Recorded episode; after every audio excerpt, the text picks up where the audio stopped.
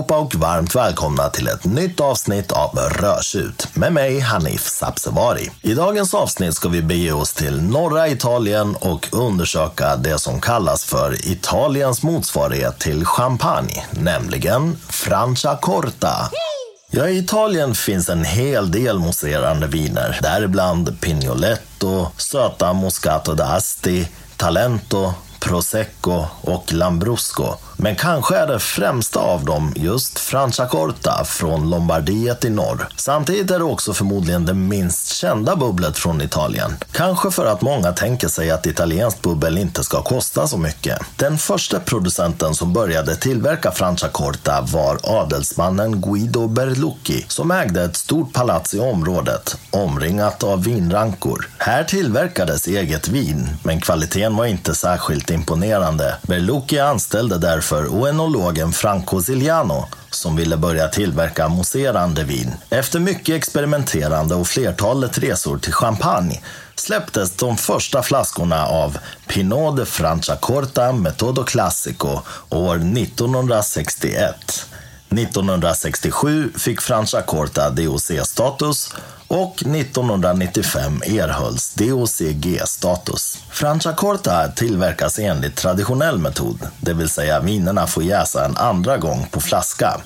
Atmosfärtrycket får bara vara 4,5 bar istället för 6 bar som annars är standard. Jordmånen i Francia Corta är mineralisk och druvorna som används i tillverkningen hämtas från ett område mellan Bergamo och Brescia i norra delen av Italien. Druvorna består i huvudsak av Chardonnay som odlas på 80 procent av Franciacortas vingårdsareal och är distriktets viktigaste druva. På andra plats kommer Pinot Nero som odlas på cirka 15 procent av vingårdsarealen. Vidare används Pinot Bianco som är en tålig och lättodlad druva. Och slutligen förekommer även den lokala druvan Erba Mat som godkändes 2017.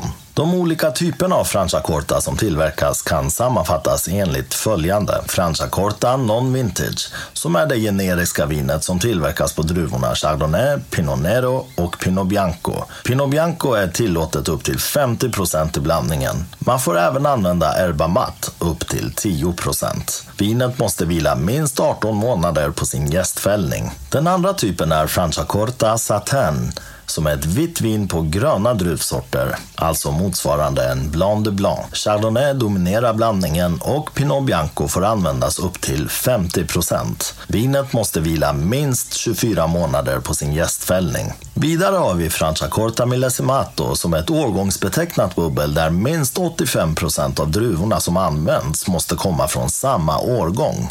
Millesimato framställs enbart bra år och får inte säljas förrän tidigast 37 månader efter skörd. Vinet måste vila minst 30 månader på sin gästfällning. Vidare finns Franciacorta Reserva som tillverkas enbart exceptionella årgångar.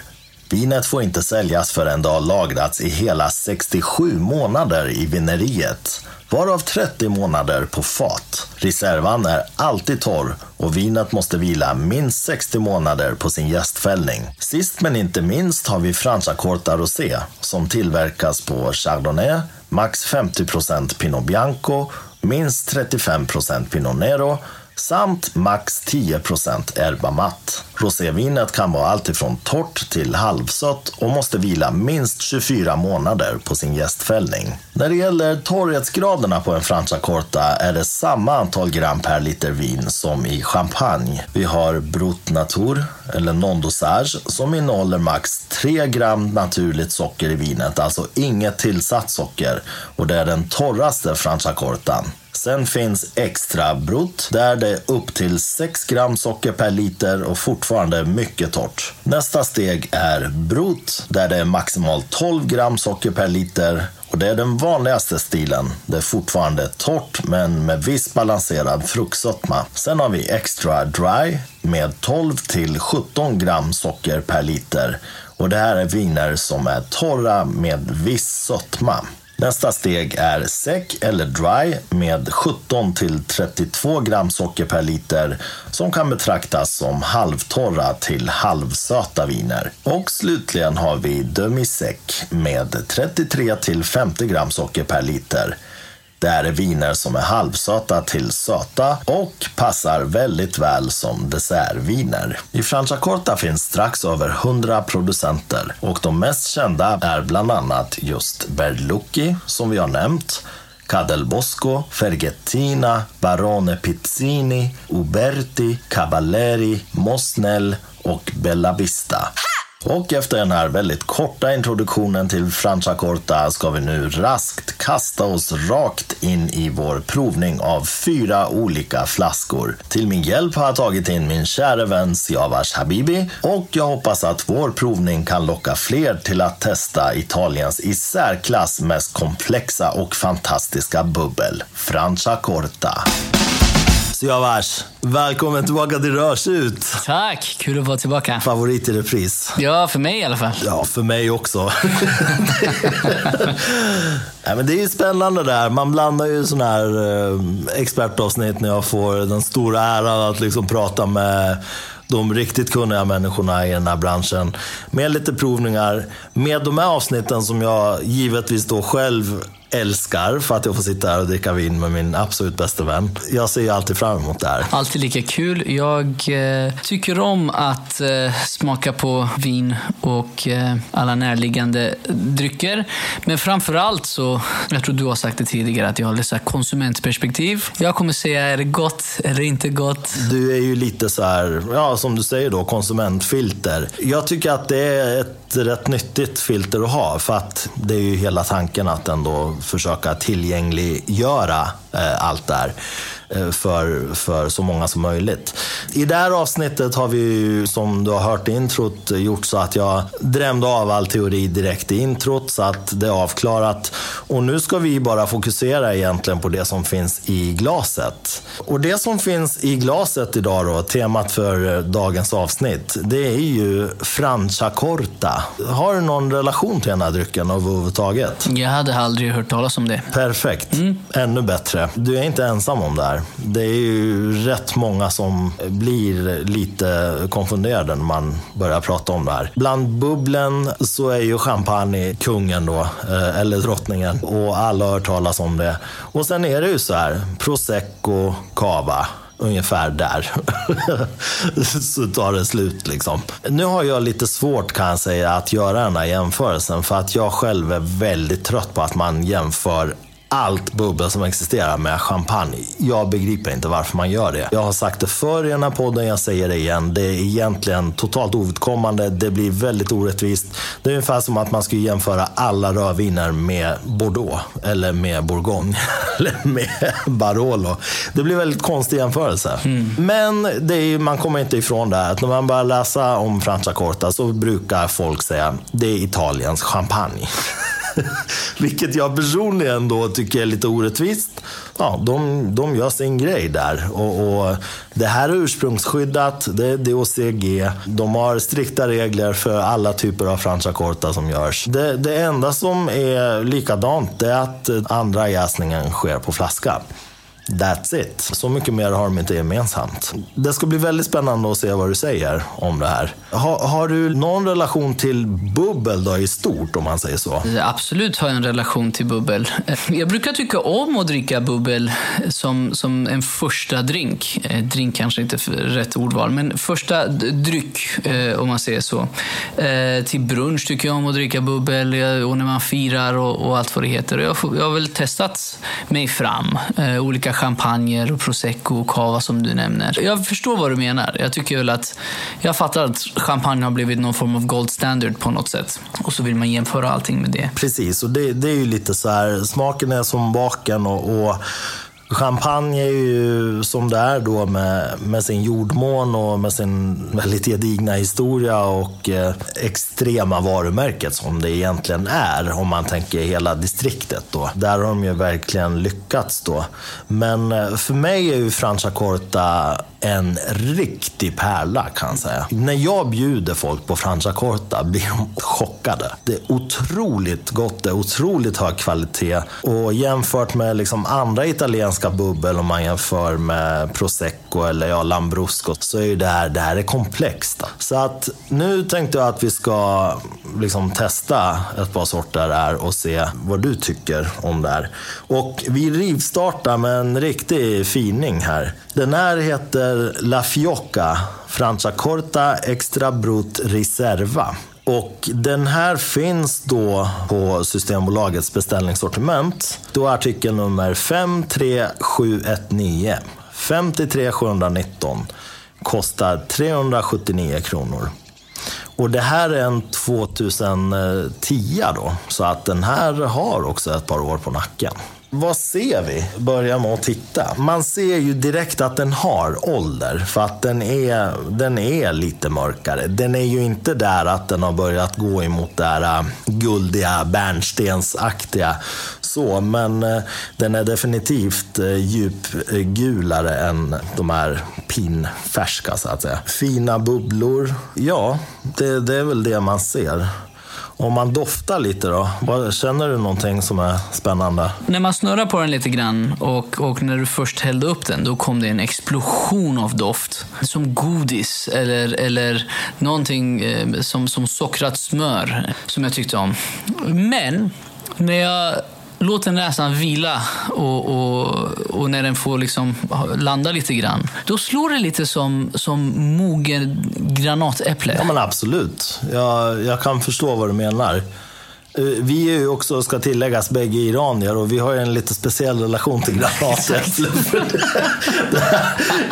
jag vet inte hur många som hade känt granatäpple som första doft här. Men, men iranier har ju liksom granatäpple som ja, go-to-frukt. Det är något vi äter väldigt ofta och som vi älskar. Så att, ja men absolut, jag, jag förstår. Det är ju också den här syran som man känner som är lite den här granatäppelsyran. Men eh, den är ju rätt generös i doft doften, eller hur? Den är, ju, den är ju rätt fruktig. Den är väldigt brödig och gästig. Det här är ju en reserva också, så att den har ju legat ett bra tag på sin gästfällning. Jag känner också oxiderade gula äpplen.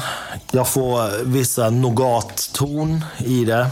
Jag känner också en del så här smörkola. Den är ju som du sa, alltså det är, den är ju rätt smörig. Liksom. Det är ganska typiskt Franciacorta. De är ganska ofta lite smöriga då. Jag får ett rostad karaktär i det här också. Allting känns lite rostat på något väldigt härligt eh, vis. Jag förstår precis vad du menar. Jag har inte druckit den. Jag tittar och, och sniffar bara. jag kan säga så här. Mossen, alltså bubblorna är ju väldigt... Eh, de är ju eleganta intressanta. Det är ju inte super, super mycket bubblor nej, i den. Nej, mer i ditt glas. Jag, jag dricker ju i mina Orrefors Difference Crisp då.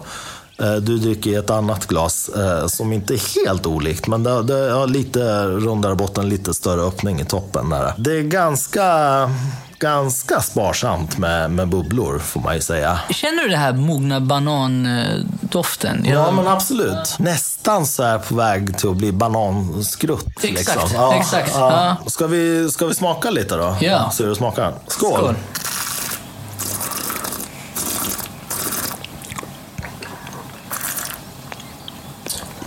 Jag kan, jag kan, börja med att säga att eh, den är behaglig. Det gick förbi mig ganska snabbt, känner jag, smakerna. Den är lite egendomlig på det sättet att första, alltså själva första landningen i munnen är lite kort. Mm. Men sen är ju eftersmaken jättelång. Alltså jag har fortfarande, jag känner fortfarande den har ju lite så här bitter finish, eller hur? Det är Absolut. lite så här grapefruktbeska. Och i smaken är det ganska mycket grapefrukt också. Om man tänker de här grapefrukthinnorna och faktiskt granatäppelhinnorna, du vet de här som är mellan. Det, det är liksom den typen av beska den är elegant, den är inte störande, men det, det är ju en påtaglig beska i, i det här. Du sätter verkligen huvudet på spiken. Det är ex exakt de smakerna jag, jag, jag känner igen. Eh, verkligen. De här hinnorna, grapefruit. Jag, jag, jag, känner exakt när du säger Ja, det. ja, vad kul. Sen är ju frågan vad som händer med det här. Om det får, du upplevde att det var stor skillnad när jag hällde upp det och bara någon minut senare. Man undrar lite vad som händer om det får stå och, och dra sig lite i glaset. Jag, vet inte om det är till, eh, till dryckens fördel. Ehm, Jag skulle snarare säga att den, den har nästan eh, haft sina bästa år. För mig eh, så känns det som att den är lite för kort. Eh, Lite för lite smak. Jag måste gräva. Det är ingen fruktbomb i smaken. Det är det inte. Det här domineras av ganska mycket brödighet. Då. Som du säger, en del kan ju ha med åldern att göra. Den kanske har varit fruktigare när den var yngre. Men eh, jag tycker ju det här är otroligt eh, elegant och, och härligt. Det här vill man ju äta någonting till. För mig då är det här ett väldigt balanserat vin. Det här kan man dricka nu. Eh, det har 12 år på, på nacken. Man kan också spara det, absolut. Jätteintressant att spara det här om man köper tre flaskor. Eh, dricker ett nu, ett om fem år, ett om 10-12 år till exempel. Se, se vad som händer. Väldigt balanserat, ingenting som sticker ut åt något håll. Det är ett ganska lugnt eh, bubbel det här. Det är harmoniskt. Det är ingenting som, eh, det finns inga, inget liksom punk i det här på något sätt. Utan eh, den är elegant, den är jättefin och eh, jag skulle kunna tänka mig att, eh, dricka det till lite charkuterier, lite... Alltså jag har ju en favoritgrej som jag brukar äta. Och det är sådana här små, små rågkupor som man kan köpa. Och så har man på en klick Philadelphiaost. Och så har man på löjrom. Och så har man på, hackar man på lite eh, salladslök på det där. Alltså det där till det här nu skulle vara bonanza kan jag säga. Jag kan tänka mig det. Men jag, jag får lite äppelsmak. Eh, Det får jag i eftersmaken. Jag, jag, jag gillar den. Jag, som sagt, den är behaglig i munnen. Jag förstår vad du menar. Den är elegant. Den är väldigt balanserad. Jag tror jag vill ha lite mer bubblor egentligen. Och jag är nyfiken på vad den hade smakat tre år sedan. Jag hör vad du säger, absolut. Det är klart att det hade varit eh, uppfriskande. Men, men jag vill gärna liksom slå ett slag för att köpa ett par flaskor av det här och la, våga lagra det. För att bubblorna är ju som de är. De är ju lite, kanske lite klena för, för alla som vill ha mycket bubblor. Men jag tror att lagrar man det här tio år till, då kan det bli en riktigt kul upplevelse. För då blir det ju verkligen också en riktigt gammal fin eh, Franza Corta. Eh, det är ju inga pengar man betalar för det här. Det, det har 12 år får man tänka. Och det här är alltså en reserva, så det här har ju lagrats på sin gästfällning i fem år. Det, det är ganska mäktigt. Och just det här är gjort på 70% Chardonnay och 30% Pinot Noir. Eller Pinot Nero då, som de kallar det i Italien. Så att eh, jag tycker man får otroligt mycket vin för pengarna. Men ja, som sagt, jag tror att jag skulle nog vilja äta någonting till det här. Det, det är ett sånt typ av bubbel. Du, då tycker jag att vi vandrar vidare till eh, nästa flaska. Vi kör.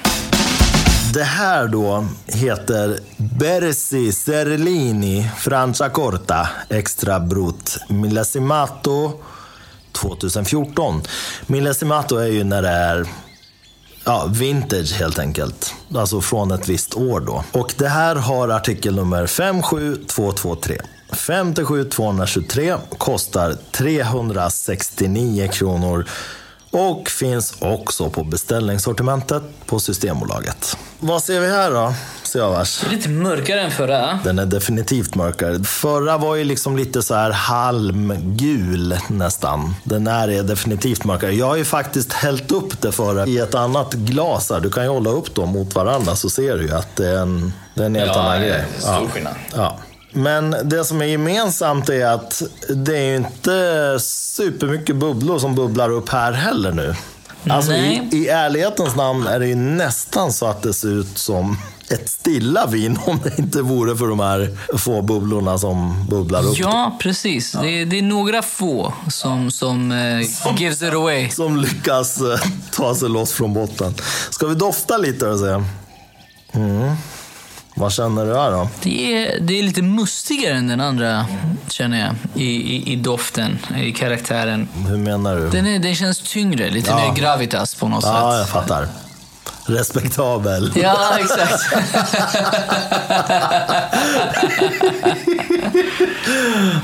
I've been around. Ja, exakt.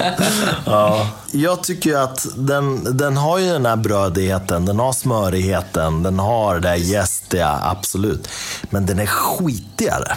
Skitigare. Ja, den har något som är lite stalligt nästan i sig. Lite åt så här vissa petnat. Eh, Viner kan ju vara så här. Jag älskar ju det här. Jag, jag tycker det är magiskt. För mig är den här doften mycket, mycket angenämare än det förra vinet på doften.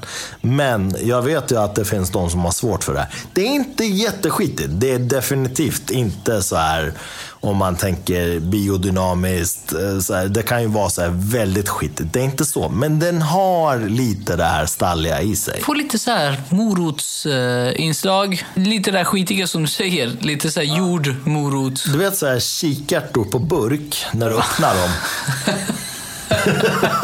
Det, det är igen huvud på spiken. Är exakt kikärtor. Ja, så det, det är liksom lite där, nästan reduktiva, alltså lite så här pruttiga. Eh, som vi konstigt nog säger ibland när vi doftar på vin. Eh, Precis. Men, men eh, det här båda gott tycker jag. Jag blir ju glad av den här doften. Eh, Så vi, vi testar eh, smarra lite och se vad som Yes. händer.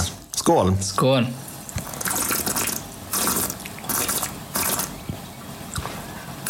Oh, där kom kvällens första gåshud. Oj, vilket vin det här var.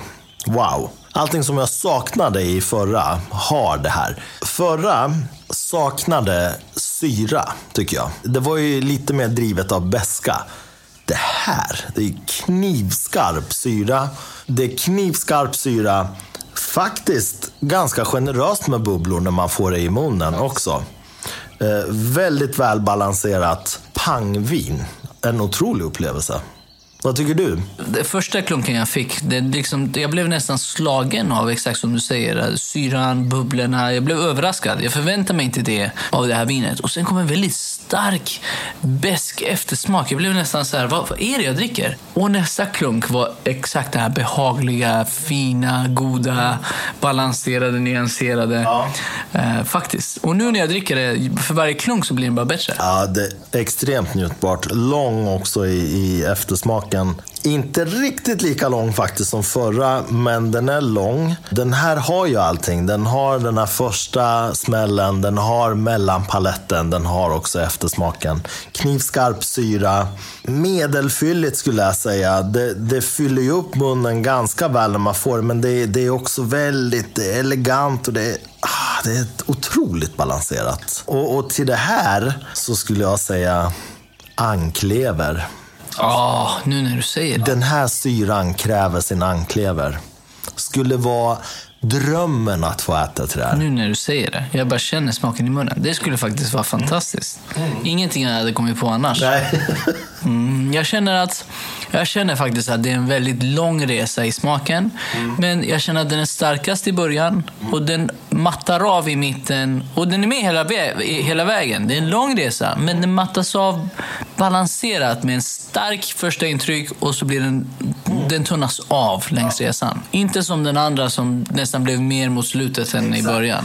Den andra var ju fylligare, eller hur? Den klingade ju längre. Den här första smällen är ju det huvudnumret i det här vinet. Liksom. Det är det som är imponerande. Och den här syran. Vissa syrliga viner då, när man får den här syran i munnen så kan de vara nästan som att man biter i en citron och det, det blir li- lite för mycket. Det här är ju väldigt väl avvägt. Ja, verkligen. Den här flaskan kan man också gärna köpa tre av. Och det här kan man lagra ännu längre. Det här skulle man kunna lagra ja, 20-25 år till utan problem. Jag tror lite som du säger, det är vad jag saknar i det, i det andra vinet. Den är friskare och samtidigt så sa jag att den är mognare och har mer gravitas. Så du får liksom the best of two worlds, tycker jag. Vet du vad vi gör nu? Jag har ju hällt upp det för det första vinet då i ett separat glas. Vi, vi testar bara. Så här, springa emellan lite och se vad som händer. Hur det känns. Det, det här är ett konsekvent vin. Och med det menar jag att vissa viner, varenda liksom klunk du tar, smakar annorlunda. De är oerhört sådär föränderliga med luft. Det här är ett konsekvent vin. Den här bäskan är det som är personligheten i det här vinet. Gillar man det, då ska man köra på det här. Är man mer då funtad som jag är, jag gillar bäska, jag har inga problem med det och jag tål ganska mycket bäska. Men jag älskar syrlighet. Älskar man syra, då ska man nog hittills då i vår provning gå på det här andra vinet. För att den här bäskan i det första vinet, det är så zestigt på något vis. Det är nästan som att bita i citronskal. Lite urspårat.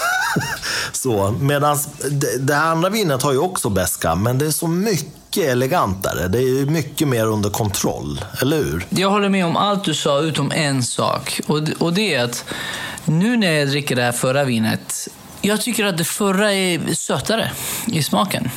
Eh, och bäskan är med, jag är med och jag tycker nästan det är en tvärtom referenssmak. Det vill säga, där blir det så igen, kort i början, blir större i, i mitten lite grann, även om mitten är väldigt kort.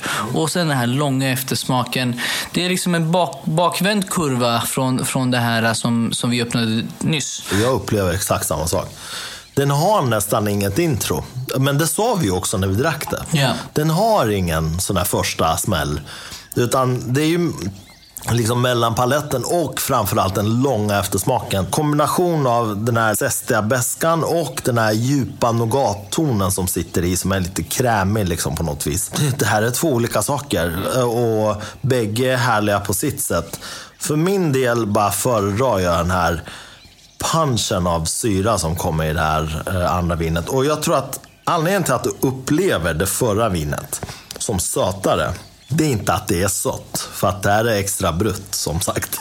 Det, det är inte mycket socker i de här. Men det är ju för att syran i det här vinet är så påtagligt så att när du liksom hoppar tillbaka till det förra vinet så upplevs det som att det är lite sötare för att det saknar just den här syran. Säkert. För jag upplevde den inte som jättesöt första gången jag drack den. Nej.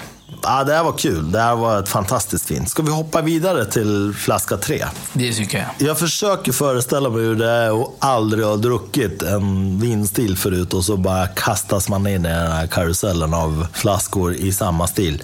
Men, eh, men eh, du är med än så länge. Jag, jag föreställer mig den samtidigt som vi upplever den. Ja, exakt. Det är bra. Flaska nummer tre. Conti Ducco. Cuvée Extra Brut heter den här. Artikelnummer 74 859. 74 859. Kostar 330 kronor och finns, hör och häpna, också på Systembolagets beställningssortiment. Det här är ju mer din stil, för att här bubblar det ju upp ganska friskt från glaset och det lägger sig ju ett skumtäcke också högst upp på ytan. Så här kommer du ju få dina bubblor. Det här är ju ingen, inget vintagevin, årgångsvin, utan det här är ju ganska ungt då och det ser man. Det är väldigt ljusgult i färgen.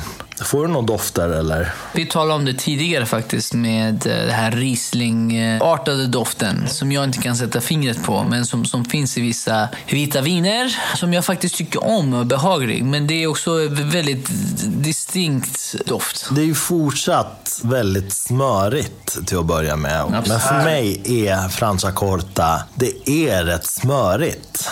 Och det här är ju inte brynt smör som det är i lite äldre Franciacorta, utan det här är helt enkelt smör då. Smör. Ja. Ja. Och jag får väldigt mycket smörkola och nougat i det här också. Framförallt smörkola. Det är liksom de här Werthers original. Nästan stinker Werthers som det är när jag, när jag doftar. På fruktsidan så får jag en del gula äpplen. Jag får även lite så här vit persika. Sen får jag en del örter också faktiskt. Jag, jag får en del salvia, torkad salvia. Jag får en del torkad basilika också. Det här är ju första vinet som har någonting lite örtigt i sig som är väldigt påtagligt. Ja, men just torkad salvia tycker jag att man får, för det är också för mig en lite syrligare doft. Jag känner av salvia-doften, absolut. Och sen har man ju liksom brödigheten där som finns där. Men här skulle jag säga att det är mer åt digestive kex. Alltså det är lite kexigare. Det är inte så mycket där äh, jäst saftiga som är i de här äldre. Utan här är det ju lite kexigt och det är lite mer brioche sötare brödigheten. Men ja, det är en härlig doft. Mm. Pigg och glad. Det här ska bli spännande. Lite pistage, är det det? Ja, det där nötiga. Jag känner nästan lite så här um, djupt in. Lite så här Arax-doft. Uh, Man känner av lite så här alkoholiga. Ja, men spännande. Men ska vi smarra lite då? Ja. Ja, skål. Skål. skiljer sig mycket från de två andra. Den enkla anledningen är ju att där hade du ju en 2010, 12 år på flaska och sen har den 2014. Det är klart att det blir ju skillnad. Det jag älskar med den här, det är ju att mossen är ju extremt krämig. Det är liksom en sån här moss som lägger sig väldigt lent och krämigt över hela tungan, bara fyller ut hela munnen. Den är ju väldigt balanserad. Den, har, den här har ju verkligen alla delar. Den har den här första smällen, den har mellanlandningen, den har eftersmaken. Här i smaken så får man ju mer så här citrustoner här. I eftersmaken känner man en hel del lime och limeskal och liksom det är den typen av lite mer citrus eh, betonade smaker får jag i alla fall. Mm. Vad, vad, känner du? Nej men verkligen. Jag känner att eftersmaken är otroligt behaglig. Den liksom sitter med dig som en varm kram på något sätt. Och eh, jag färdas med den här eftersmaken och den släpper inte. Den är väldigt eh, inne på det här lime som du, är med, eh, som, som du talar om, citrussmaken. Mm.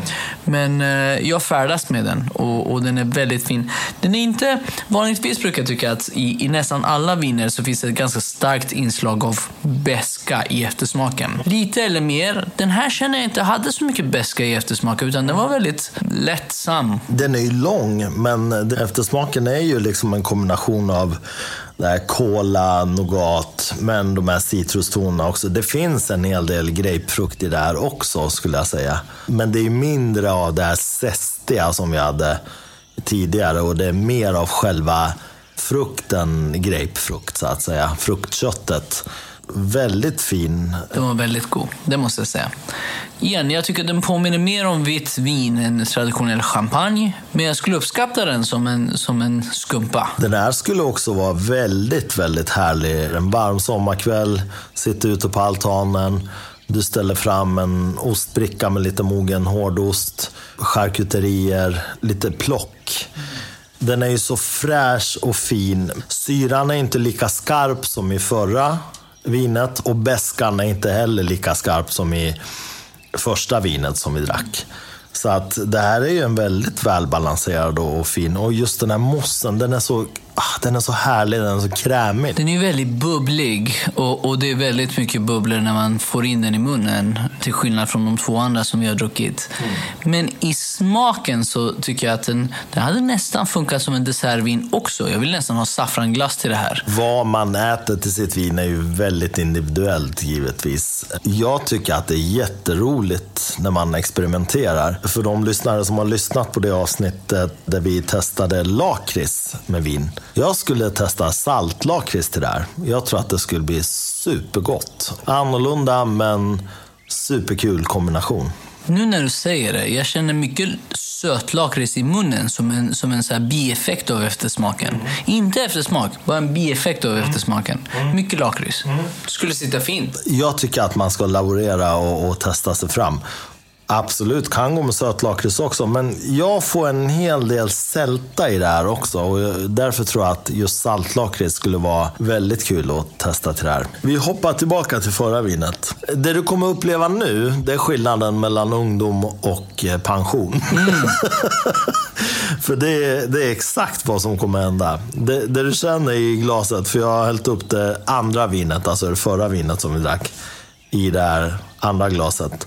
Om du doftar nu så får du känna, det är så extremt liksom mycket oxiderade gula äpplen, det är gästigt. Jag tycker den håller sig. Det är den här brödigheten som du är inne på, det här ja. mustiga som jag ja. försökte förklara det som. Men jag tycker gula äpplen är liksom spot on. I det här vinet som vi dricker nu så är de gula äpplena, de är ju dagsfärska. Ja. Medan där har de ju verkligen, det är mer skrutt, äppelskrutt liksom. Det är oxiderat. Nu testar jag att äta en sån här inlagd oliver. Ska vi se hur det funkar. Ja, det funkar alldeles utmärkt. Det är en sån här oliver som är inlagd med så här vitlök och örter. Och, ja, otroligt gott. Det funkar riktigt bra Ja jätte, jättegott. Vi som eh, är frälsta i champagne brukar ju alltid slänga oss med att champagne, det funkar till allt. Och jag står fast vid det. Det, det funkar faktiskt nästan i alla fall till allting. Och eh, Franciacorta är inte jättemycket efter där skulle jag vilja säga. Och speciellt när de är så unga. Funkar till det mesta. Det är supergott. Det är fräscht har gott om mos och eh, bara allmänt spänstigt och ungdomligt och härligt. Ska vi ge oss på den sista flaskan? Låt oss. Producenten är densamma som det förra vinet. Alltså 3D-flaskan. Ja, exakt. Det här är ju då en Conti Duco Satin Cuvée Brut. Ursäkta uttalet. Alla som bryr sig om den saken. Artikelnummer 77103 7703 kostar 349 kronor och finns att beställa på Systembolagets beställningssortiment. En eh, satin då, det är ju lite annorlunda.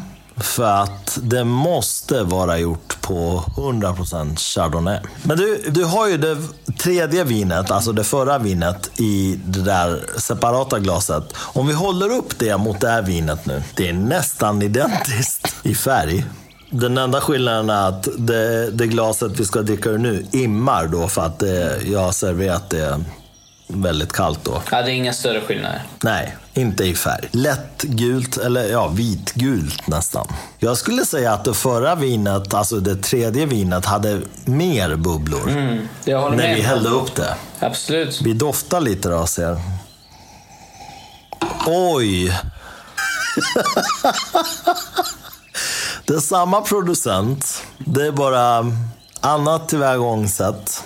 Och det här doftar min vän Reime Bademjun.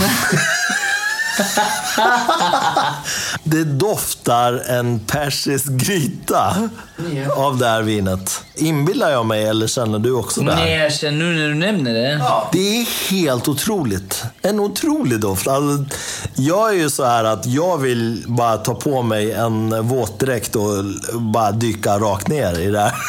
Men om vi bryter det då. Ja.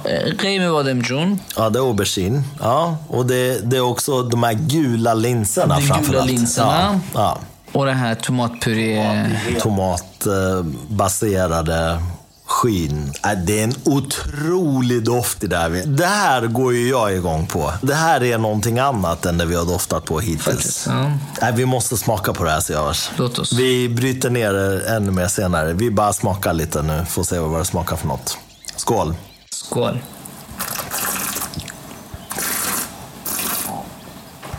Men oj! Den var jättegod. Jag ryser! Den var så god. Oj vad det här var gott. Så mycket personlighet i det här vinet, eller hur? Vi har druckit den 2010, 2014 och så har vi druckit extra brutt från samma producent som det här vinet. Och det har varit gott, absolut. Här, det är någonting annat här. Eller hur? Det, är liksom, det här är personlighet. Det här är identitet. För folk som har bra vinminne, det här kommer du spara på din hårddisk så att säga. Och det här kommer du inte glömma. Det här är någonting annat. Det här är någonting annat. Jag, jag kan säga så här. Nu har jag faktiskt smakat krug. Men om om jag inte hade smakat krug, om någon hade sagt this is it, då hade jag sagt I get it. Den är väldigt, väldigt god. Det här är ett otroligt vin. Det här är helt makalöst.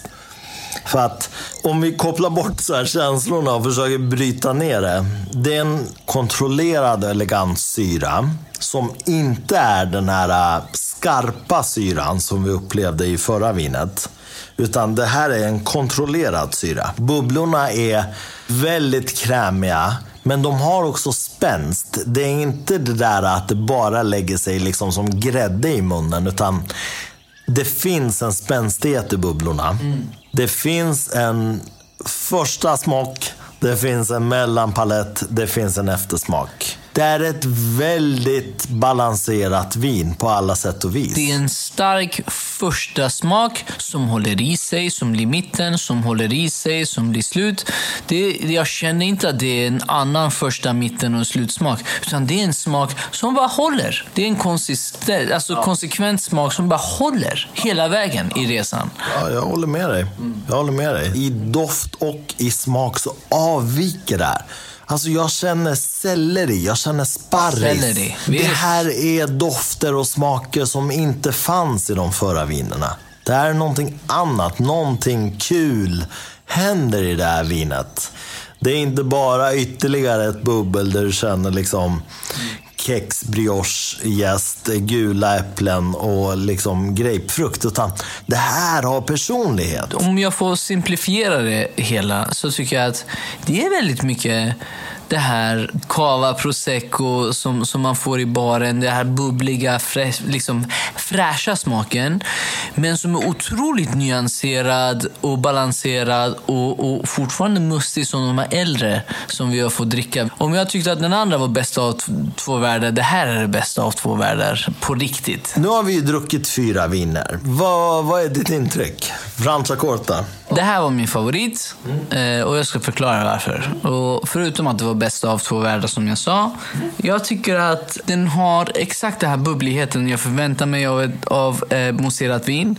Den har exakt den här mustigheten jag förväntar mig av en lite mer lagrad och finare mousserat vin. Det har en lång fin smak. Den håller sig från början långt in i slutet. Det är liksom en väldigt stark, påtaglig smak som är balanserad, nyanserad och, och som är behaglig i munnen. Och den kittlar på rätt sätt. Den här tycker jag är fullträff av vad jag förväntar mig av, av vad bubbel ska smaka. Det är så kul att höra för att det är ett otroligt prisvärt alternativ för de som kanske tycker att champagne är för dyrt men fortfarande vill ha det här som är lite mer komplext än en prosecco. Det är absolut mer komplext än en prosecco. Jag, jag tycker inte det. Jag tycker den är närmare en fin champagne eh, än den är en, en eh, prosecco eller en cava. Champagne, det är champagne.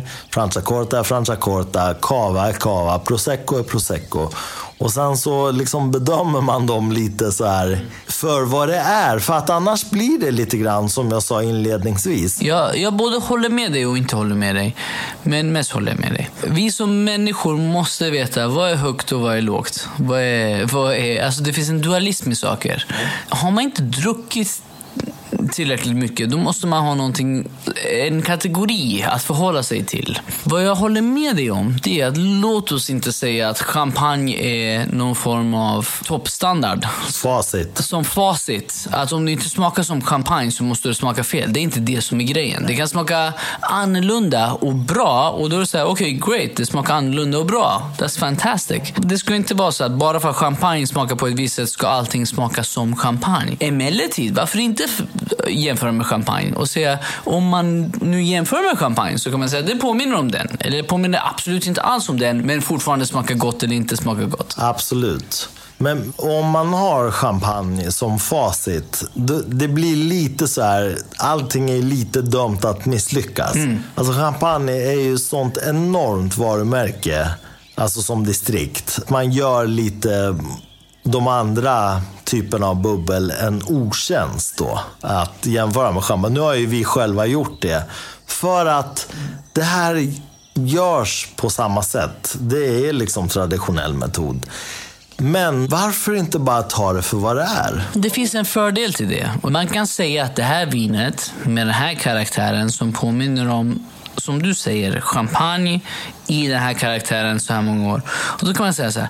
En champagne som skulle vara så här gammal och smaka så här skulle kosta tio gånger mer eller åtta gånger mer. Och då är det värt jämförelsen. Då kan man säga, vänta, kan jag få den typen av upplevelse och den typen av karaktär i smaken för en mycket, mycket lägre prissumma? Då är det värt jämförelsen, kan jag tycka. Det är verkligen det. Det här är extremt prisvärt. Ja, absolut. Och jag som är ett stort fan av italienska viner eh, är trevligt överraskad över att det finns italienska eh, mousserade mousserad vin och eh, kommer nog utforska det här mycket mer eh, framåt. Så jag, är- jag är jätteglad över den här resan vi har gjort. Över de här fyra flaskorna som vi har testat. Eh, som vanligt så är det väldigt, väldigt spännande.